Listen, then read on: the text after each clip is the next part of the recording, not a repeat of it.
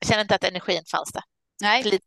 jag, tror på riktigt att det är pepsin som saknas. Jag är på Ja, supergott kan humör. Men jag har äppelpaj som eh, väntar på mig snart.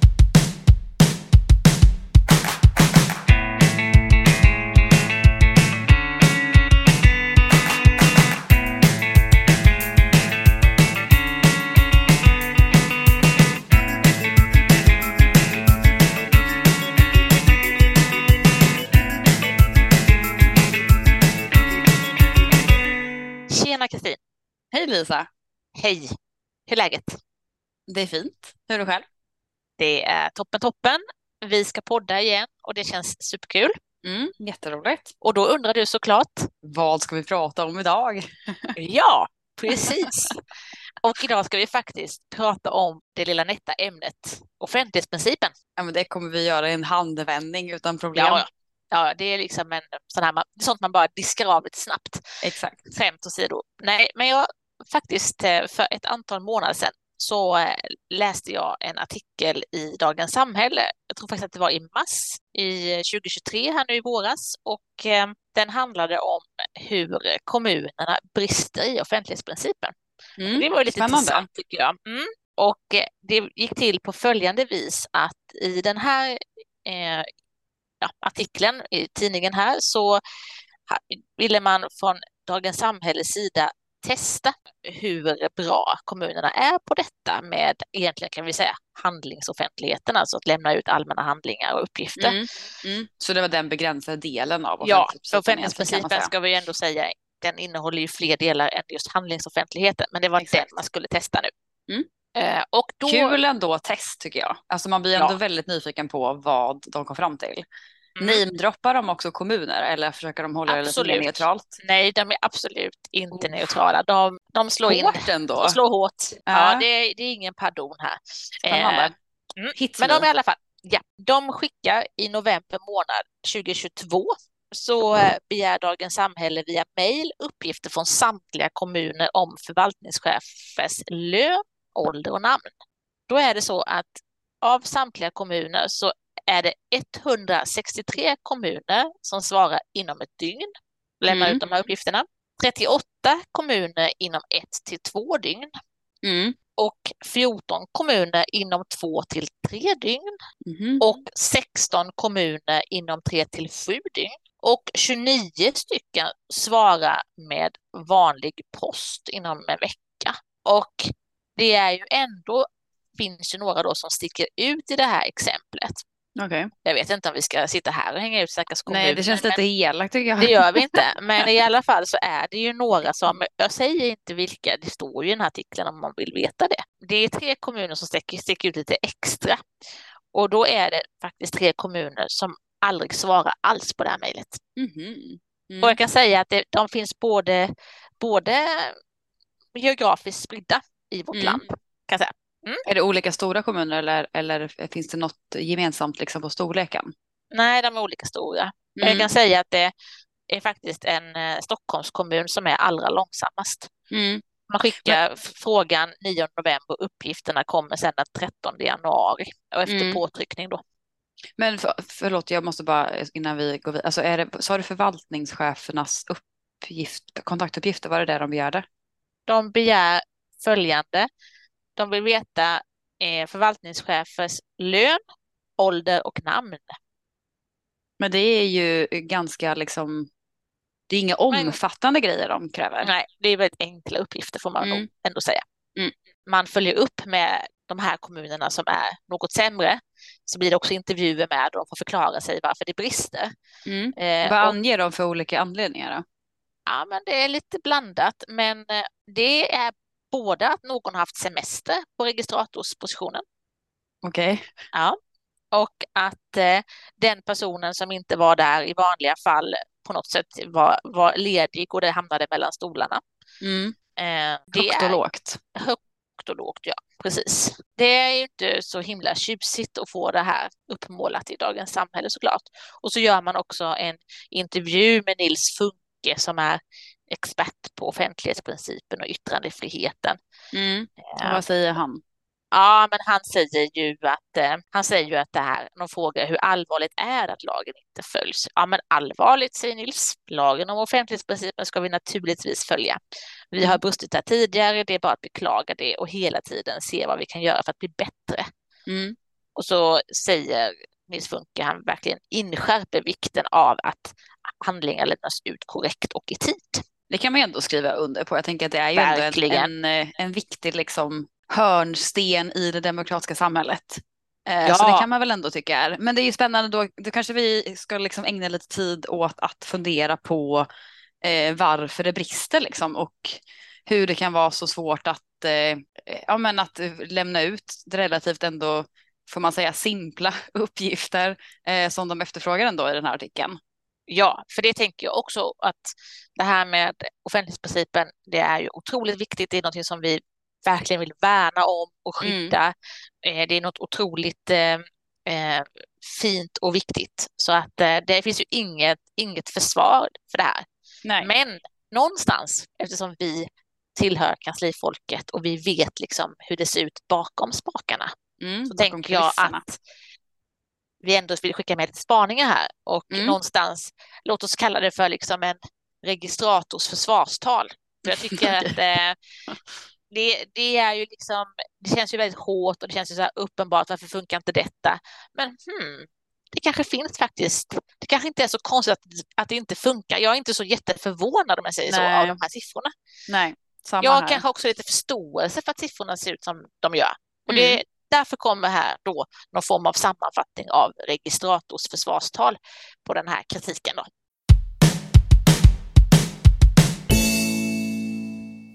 Och vi kan väl liksom börja med att säga att det vi kan konstatera är väl ändå att det är ett enormt tryck på Sveriges kommuner och regioner vad gäller efterfrågan av uppgifter och handlingar. Om eh, jag då, vi säger Lisa Emeritus Åberg, som har varit med, som ni vet, 20 år. Då, länge. Ja, så himla länge. Det är, uff, det, Ja, det är så det bör, man bör Varför intervjuar de inte dig i den där artikeln? Det undrar ja, man ju, eller hur? Obegripligt. obegripligt. Men om, om vi då eh, jämför med kanske då med 2003 och exempelvis ja, men 2003 och idag så skulle jag vilja säga ändå att det är en gigantisk skillnad. Då, när jag började i branschen, om vi säger så, eh, så, så man ju, visste man ju såklart att det här var eh, den absolut allra viktigaste uppgiften för registrator. Den var ju som en helig uppgift och det hade man ju med sig faktiskt från skolbänken. Eh, det har, vi, det har man ju kommit i kontakt med redan på gymnasiet men också på universitetet och så vidare, vikten av detta, särskilt när man ska mm. jobba på mm. myndighet. Det här är ju någonting som bara ska funka. Så det, det, hade man ju med sig. Men det kan jag ändå säga att det var ju inte, även om jag jobbade som registrator, så var ju inte det den absolut mest betungande uppgiften där och då. Eh, för att vi hade ett system, alltså diarieförda handlingar, det var det som begärdes ut och det var, jag ska säga, främst av massmedia som begärde ut handlingar över disk mm. på kommunkontoret.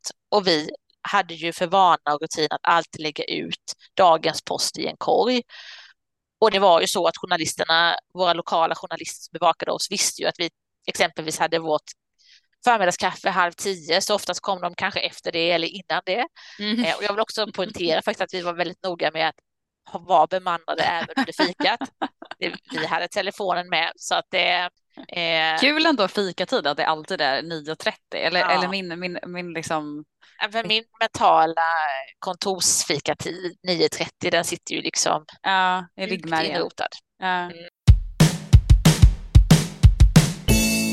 Så det var ju främst journalisterna som begärde ut handlingar, men så kunde ju även eh, allmänhet, ja, men folk och andra personer Eh, ringde och begärde ut handlingar eh, och uppgifter kanske i en specifik handling. Och då skulle jag säga att det kanske var i samband med ett sammanträde eller så mm. det skedde. Mm. Mm. Men detta var som sagt var inte någon jättestor och tung arbetsuppgift. Vi registrerade Nej. vårt diarium. De som var intresserade de kom och, och läste liksom i diarieförteckningen och såg vilka ärenden som kommit in. Vi la ut den här korgen något år senare så faktiskt började vi lägga ut också på webbsidan. Dagens post, tisdag, bla bla bla, mm. detta, detta, detta. Och mm. så kunde vi också kanske faktiskt faxa iväg till journalisterna. Mm. Ja, men det var, inte, det var liksom inte betungande på det sättet. Det var en viktig arbetsuppgift och den skulle man alltid prioritera och jag upplevde mm. att vi klarade ut att leva upp till skyndsamhetskrav och annat där. Mm. Mm. Nej, men jag tänker att man också, men skillnaden blir ju precis som du själv sa, att idag så har man ju också e-post och mejl. Att, mm. att, man, att det är ju ändå en stor skillnad mot hur det var då för 20 år sedan när du, när du började din karriär. Mm. Att idag så kan man ju också Dels är det mycket lättare att slänga iväg en begäran tänker jag för gemene mm. person mm. men också för media. Man kan ju begära ut de här e-postloggarna, det är också allmän handling så det är ytterligare liksom det finns ju fler handlingar som är allmänna liksom idag. Mm. Men och det, kom, och det jag tänker e-posten gör ju också att det kommer väldigt så stora volymer av begäran. Alltså det är mycket lättare att liksom begära ut både mer uppgifter kanske men också liksom andra typer av uppgifter. Liksom. Ja, och jag vill också säga att det är sån, det är sån anstormning på, på liksom den officiella myndighetsbrevlådan. Om jag jämför 2003 med idag. 2003, vad var det som kom egentligen i den officiella e-postbrevlådan? Ah, inledningsvis rätt mycket reklam, kursinbjudningar som det fortfarande ja. finns en stor, stor andel av idag också. Mm. Men jag, det var inte så mycket korrespondens med medborgare, allmänhet och andra eller myndigheter som begärde begärde handlingar eller uppgifter. Jag vill verkligen Nej. minnas att det, det inte var så. Nej men för idag kommer det ju också bara, utöver liksom begäran via e-post så kommer det också som du säger, så här, alltså frågor som man också måste besvara från allmänheten med ganska mm. liksom hög frekvens. Liksom, och det kan till och med krävas att man samlar in liksom, uppgifter från flera olika håll. Eh, det kan ju också vara typ alltså begäran om allmän handling som också som ja, som kräver uppgifter från flera olika system eller flera olika handläggare. Mm. Det är ju ganska omfattande att liksom sammanställa den typen av eh, begäran och tar ju ganska mycket tid från registratorns andra arbetsuppgifter som, som ju också tar mycket tid. Liksom. Ja, det är en stor skillnad skulle jag säga. Eh, och detta att, att, och det kan man nog ändå verkligen sammanfatta med att om man förr begärde ut mer fysiska handlingar som faktiskt fanns, alltså mer konkreta diarieförda handlingar mm. och idag mer det kan vara handlingar, men det kan också vara väldigt mycket uppgifter spridda på alla möjliga ställen som man mm. begär ut. Mm. Eh, och, och, det behöver inte heller vara klassiska begäran tänker jag. Det kan också vara att det, för det kommer in ganska mycket enkäter också. Från ja. både liksom studenter, privatpersoner, andra myndigheter, organisationer. Och det är också ett, en form av liksom begäran med olika uppgifter, bara i ett annat liksom format. Nej, precis. Och jag tänker att det är ju ett sånt enormt tryck på de här lådorna. Det bara trillar in mm eh, förfrågningar hela tiden.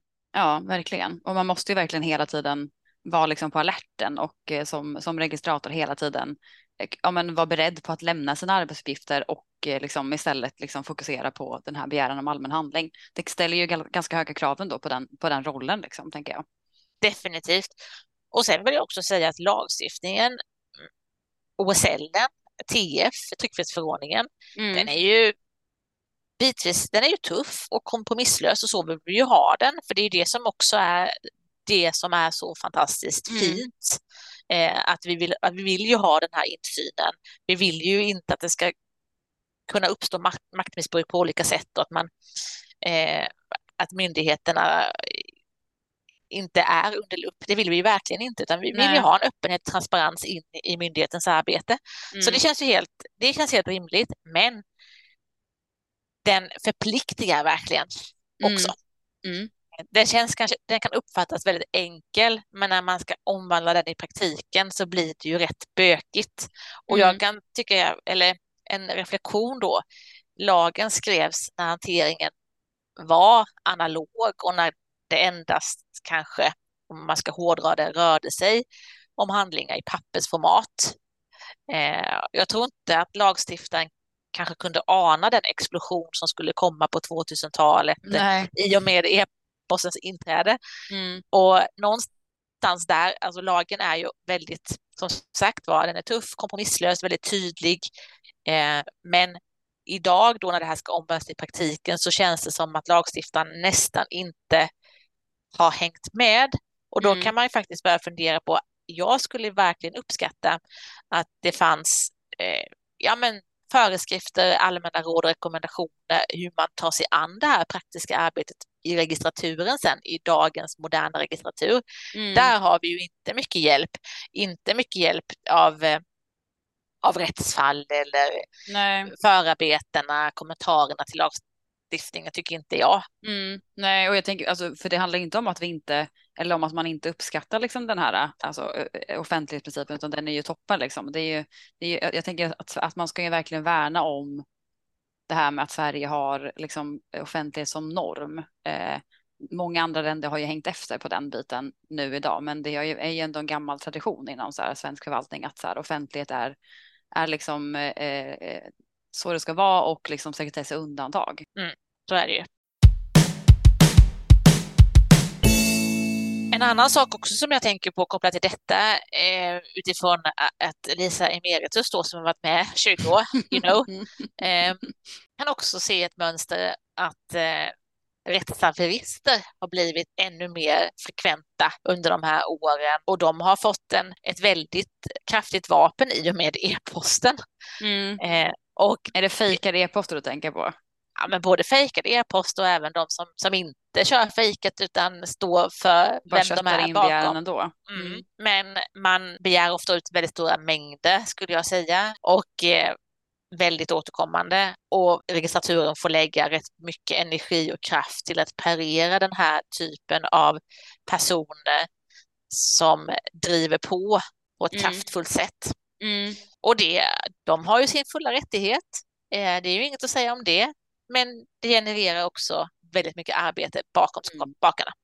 Verkligen, men jag tänker det är också, det för ju mig in på nästa tanke om att registraturen har ju inte heller alltid tillgång till alla uppgifter eller handlingar som begärs ut, utan man måste ju också ha ofta en samordnande roll och följa upp liksom att ut, utgifterna lämnas ut av respektive handläggare eller att man kanske till och med behöver liksom begära in det från respektive handläggare för att sedan lämna ut det till medborgaren. Det är ju en ganska mm. så här betungande roll och jag tänker att det är eh, återigen då för, för liksom registratorns försvar eller till registratorns försvar så är det ju verkligen ett eh, det kan ibland vara svårt att få tag på handläggare, det kan ibland ta tid. Handläggarna glömmer bort att man ska lämna ut de här uppgifterna till eh, registratorn. Man kanske inte förstår sig för att det tar väldigt lång, att man måste göra det skyndsamt. Alltså det är en ganska så här omfattande och jobbig liksom uppgift för eh, registraturet.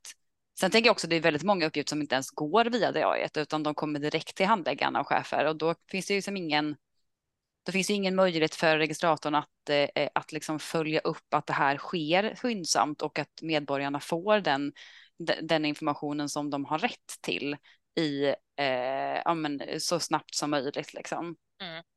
Ja, men, ja. Definitivt är det ju så tänker jag. Och viktigt verkligen att, att eh, understryka det att registratorsrollen det här är ju som jag sa inledningsvis, jag tycker det är, det är den viktigaste arbetsuppgiften du har som registrator. Den är superviktig och den här samordnande rollen som du säger Kristin, den är ju, eh, den är ju ett måste. Mm. Du måste verkligen koordinera och du måste vara som en iller i detta. Mm.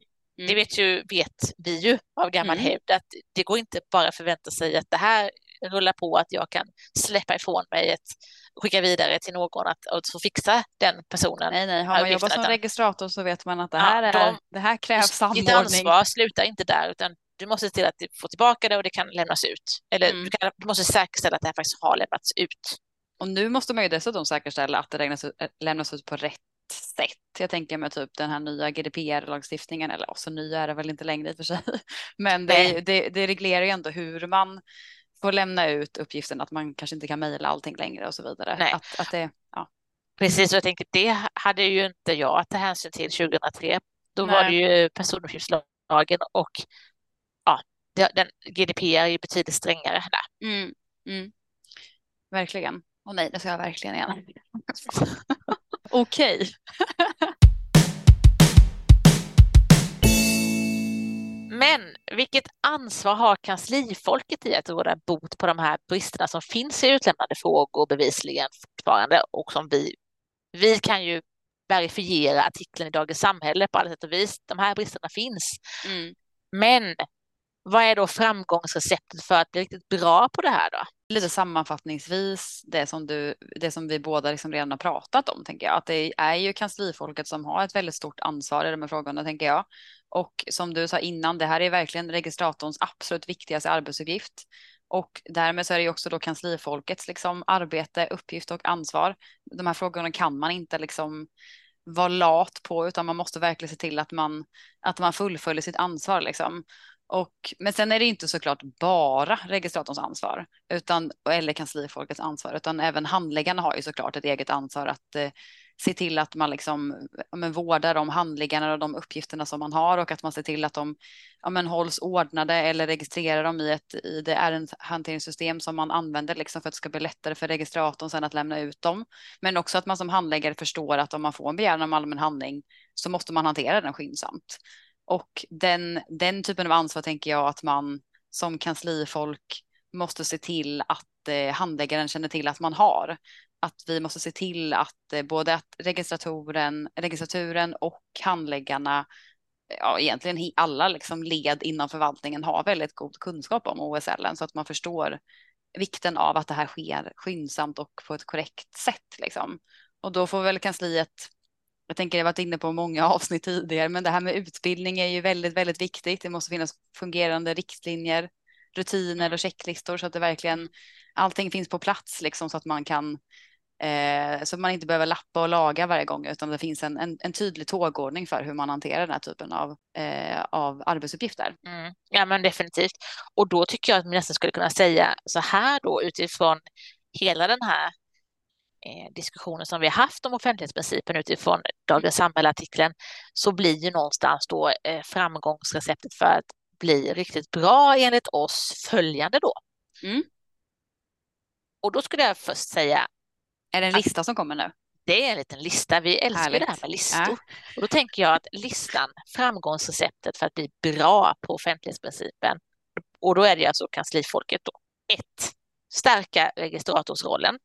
Mm. Det krävs ju mycket god kunskap i offentlighets och sekretesslagen och att man eh, behöver i registratorsrollen utöver att ha kunskap i OSL och TF i regelverket så måste man också ha väldigt kommunikativa och samordnande egenskaper. Mm. Ungefär de här egenskaperna som vi säger att nämndsekreterare behöver ju. Mm. Mm. Vi tror ju att det här, vi tror ju att det är avgörande för att bli framgångsrik. Mm, för hela kanslifolket. För hela kanslifolket. Ja. Absolut, men här tydligt här, du måste vara kommunikativ, du måste kunna samordna, driva på, inte ge dig. Oerhört viktigt att vara väldigt kommunikativ då. Mm. Sen då, utöver detta, om registrator behöver kunskap i OSL så behöver även andra det i organisationen, handläggare mm. som du sa Kristin här. Så utbildning i OSL på bred front och återkommande insatser. Det måste ingå introduktionsutbildning av nya handläggare. Det är definitivt. Och sen hela tiden kunna fyllas på med kunskap. Mm löpande. Jätteviktigt. Och nästa, om det var nummer två, utbildning, så nummer tre, dokumenterade riktlinjer, rutiner och checklistor som är väl kända i hela organisationen. Det måste finnas ett riktigt bra strukturkapital här för de här delarna. Mm. Och om jag går vidare till fjärde punkten på framgångsreceptet, ingrediensen, om vi säger så, ingrediens nummer fyra, mm. så är det faktiskt, tror jag, jag vet inte vad du säger, men jag tror att man behöver jobba mer med bevakade funktionsbrevlådor internt mm. som kan effektivisera den interna hanteringen. För det blir ju mycket att, att registrator ska samordna detta och få fram uppgifter. Mm. Och det blir så man, skört. Liksom, det blir väldigt har... skört och, och som, som, beskrevs här också i artikeln, mm. att man hänvisar till att någon har varit borta från, från, borta från sitt, sina arbetsuppgifter, mm. någon har varit semester eller ledig på annat sätt och sen har man liksom inte säkerställt det och så mm. har det kommit in uppgifter som är blivit liggande. Det är verkligen inte okej okay. och då tror, jag, då tror jag på konceptet funktionsbrevlådor där fler kan bevaka att man har det som en prioriterad arbetsuppgift mm. året runt, alla mm. vardagar, att ha bevakning där. Mycket men jag håller helt med, men sen tänker jag också att man, alltså, sen måste man ju också åt, återuppliva lite den här gamla eh, som, eh, som ibland kan liksom variera tycker jag mellan kommuner och regioner, att man också har någon som bevakar ens egen mejlkorg vid frånvaro. Det mm. räcker mm. att du är sjuk bara en dag, men någon måste kolla din mejl under den dagen, eller om du inte gör det själv. Liksom. Självklart är det så. Det, det är tvingande och det känns tufft, men mm. det, tyvärr är det en del av offentlig förvaltning. Liksom. Mm. Mm. Och sen tycker jag som den sista ingrediensen, vi säger då det blir ett, två, tre, fyra, fem, den femte. Ta verkligen tid att analysera inflödet på det som kommer in i de officiella kanalerna. Då tänker jag den, de officiella myndighetsbelådorna. Det kan ju skilja sig lite i, i vilken omfattning, hur många man har. Det kan ju vara att man har en per nämnd eller har man en officiell för hela kommunen. Men det beror ju på om man har central registratur eller inte kanske också. Mm, mm. Hur eller hur analysera inflödet av det som kommer in i de, i de kanalerna och se vad är det man återkommande begär ut vad är det för uppgifter? Faktiskt lite tillbaka till det man frågade om i, i Dagens Samhälles eh, undersökning. Då mm. frågade man om vilka som var förvaltningschefer. Den uppgiften ska ju absolut finnas på en webbplats och det tänker jag att det ja. gör den säkert. Men lön sitter man ju inte där mm. eh, och annat. Men jag tänker att det kan vara andra saker som man begär ut återkommande och då tycker mm. jag man ska börja fundera på vad kan organisationen, kommunen, Eh, myndigheten hålla tillgängligt genom mm. öppna data, exempelvis e-tjänster istället, sånt som man också begär och får begär att ta del av eller ja. Mm. Alla har ju inte ens protokoll och kallelser liksom publicerade. Det känns ju Nej. ganska Så jag omodernt en, tycker jag. En väl utrustad eh, webbplats som innehåller de här uppgifterna så trycker man ju bort arbete och då kan man ju hänvisa från registraturen att du kan ta dem, hämta de här uppgifterna där och där istället. Mm, mm. Så jag tänker jobba med öppna data på sånt som är uppenbart offentliga uppgifter som definitivt begärs ut ofta. Mm, mm. och, och med såklart då återigen med hänvisning till GDPR. Självklart är det och så. Slänga in den brasklappen. Ja. Det är klart att man kommer ju aldrig publicera eh, förvaltningschefens löner på nej, en webbplats. Nej. Det tror jag verkligen inte. Mm. Eh, men annat eh, som begärs ut ofta. Mm. Eh, mm. Så att eh, det är den femte ingrediensen i framgångsreceptet för att bli bra. Bra ja. lista Lisa. Om vi då kopplar tillbaka till inledningen här med eh, Dagens Samhälles artikel, jättespännande att läsa och vi kan konstatera, ja, det är brister och det är självklart inte okej, okay, för trots att vi nu har gjort någon form av försvarstal för registraturen och så är det ju inte okej att brista detta. Så är det bara. Absolut inte. Det är en superviktig arbetsuppgift. Mm. Men vi tror ju faktiskt, du och jag, att med vissa enkla medel så kan man bli bättre. Mm. Och då tänker vi läx vår fempunktslista på framgångsrecept. ja. Om man också då avslutningsvis får krydda till det lite med en liten reflektion. Mm. Jag vet inte vad du säger, men kanske också utifrån hur förutsättningarna är idag med e-post och det enorma inflöde och tryck som vi har på våra myndighetsbrevlådor. Mm. Kanske, jag ställer bara frågan, eh, kanske behöver lagstiftaren ompröva begreppet skyndsamt. För skyndsamt är idag egentligen samma dag som det begärs ut. Mm. Det är ju egentligen bara när det är behöver göra en sekretessprövning eller att det är uppenbart stora mängder Eh, mm. uppgifter som begärs ut som man kan tulla på detta. Mm. Mm. Det är ju väldigt hårt egentligen. Mm. Väldigt hårt. Det är och med tanke hårt. på att upp, alltså mängden begäran antagligen också har ökat så kan man ju verkligen fundera på, fundera precis som du säger på begreppet skyndsamt. Ja, och kanske utöver att fundera på begreppet skyndsamt så kanske vi skulle vilja efterfråga lite mer nyanserade artiklar om offentlighetsprincipen och när den brister. Eller vad mm. säger du? Ja, alltså det skulle vara kul med eh, också så här behind the scenes i den här typen av artiklar. Vad händer liksom på kommunkontoren när man får de här begäran och eh, liksom vilka arbetsuppgifter behöver man släppa för att hantera mm. eh, den här typen av begäran? Så kanske man också får en annan förståelse för ja, de gånger det brister helt enkelt. Mm. Och en förståelse för de stora volymerna som faktiskt det här handlar om. Mm.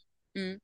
För den här typen av text bidrar ju också i sig till ytterligare arbetsuppgifter för registraturen. Och jag kan Precis. tänka mig att Dagens Samhälle inte är de enda som testar kommunerna Nej. i de här frågorna. Nej, kan man också tänka på. Inte. Så eh, låt oss efterfråga det. Och eh, så stänger vi offentlighetsprincipsbutiken för idag.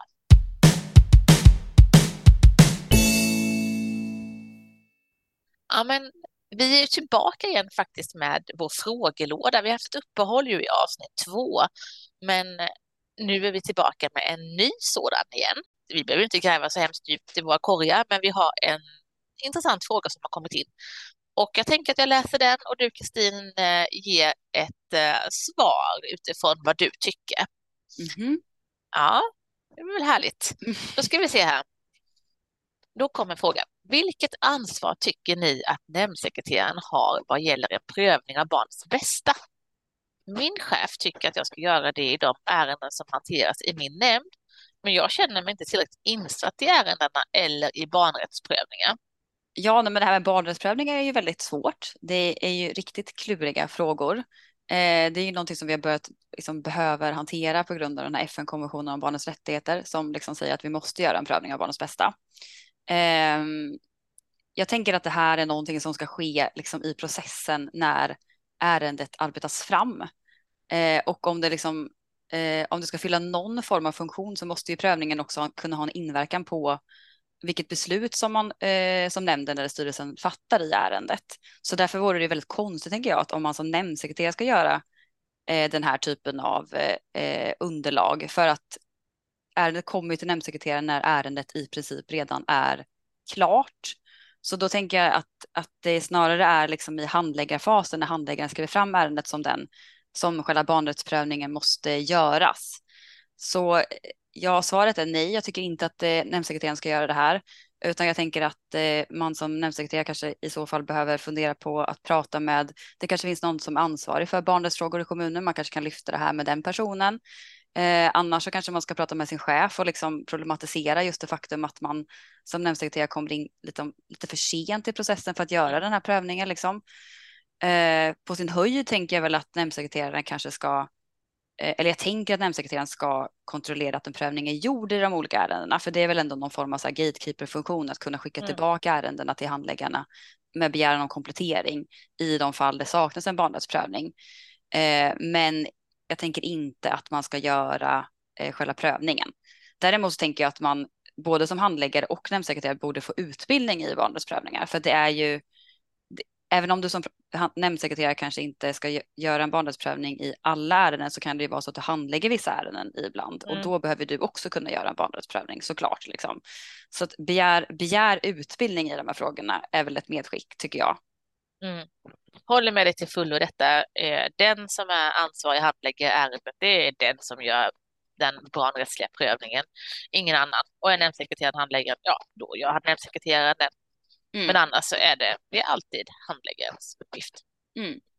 Och med det sagt så tänker jag att vi rundar av dagens avsnitt och ja, eh, säger trevlig fredag. Det gör vi. Trevlig fredag.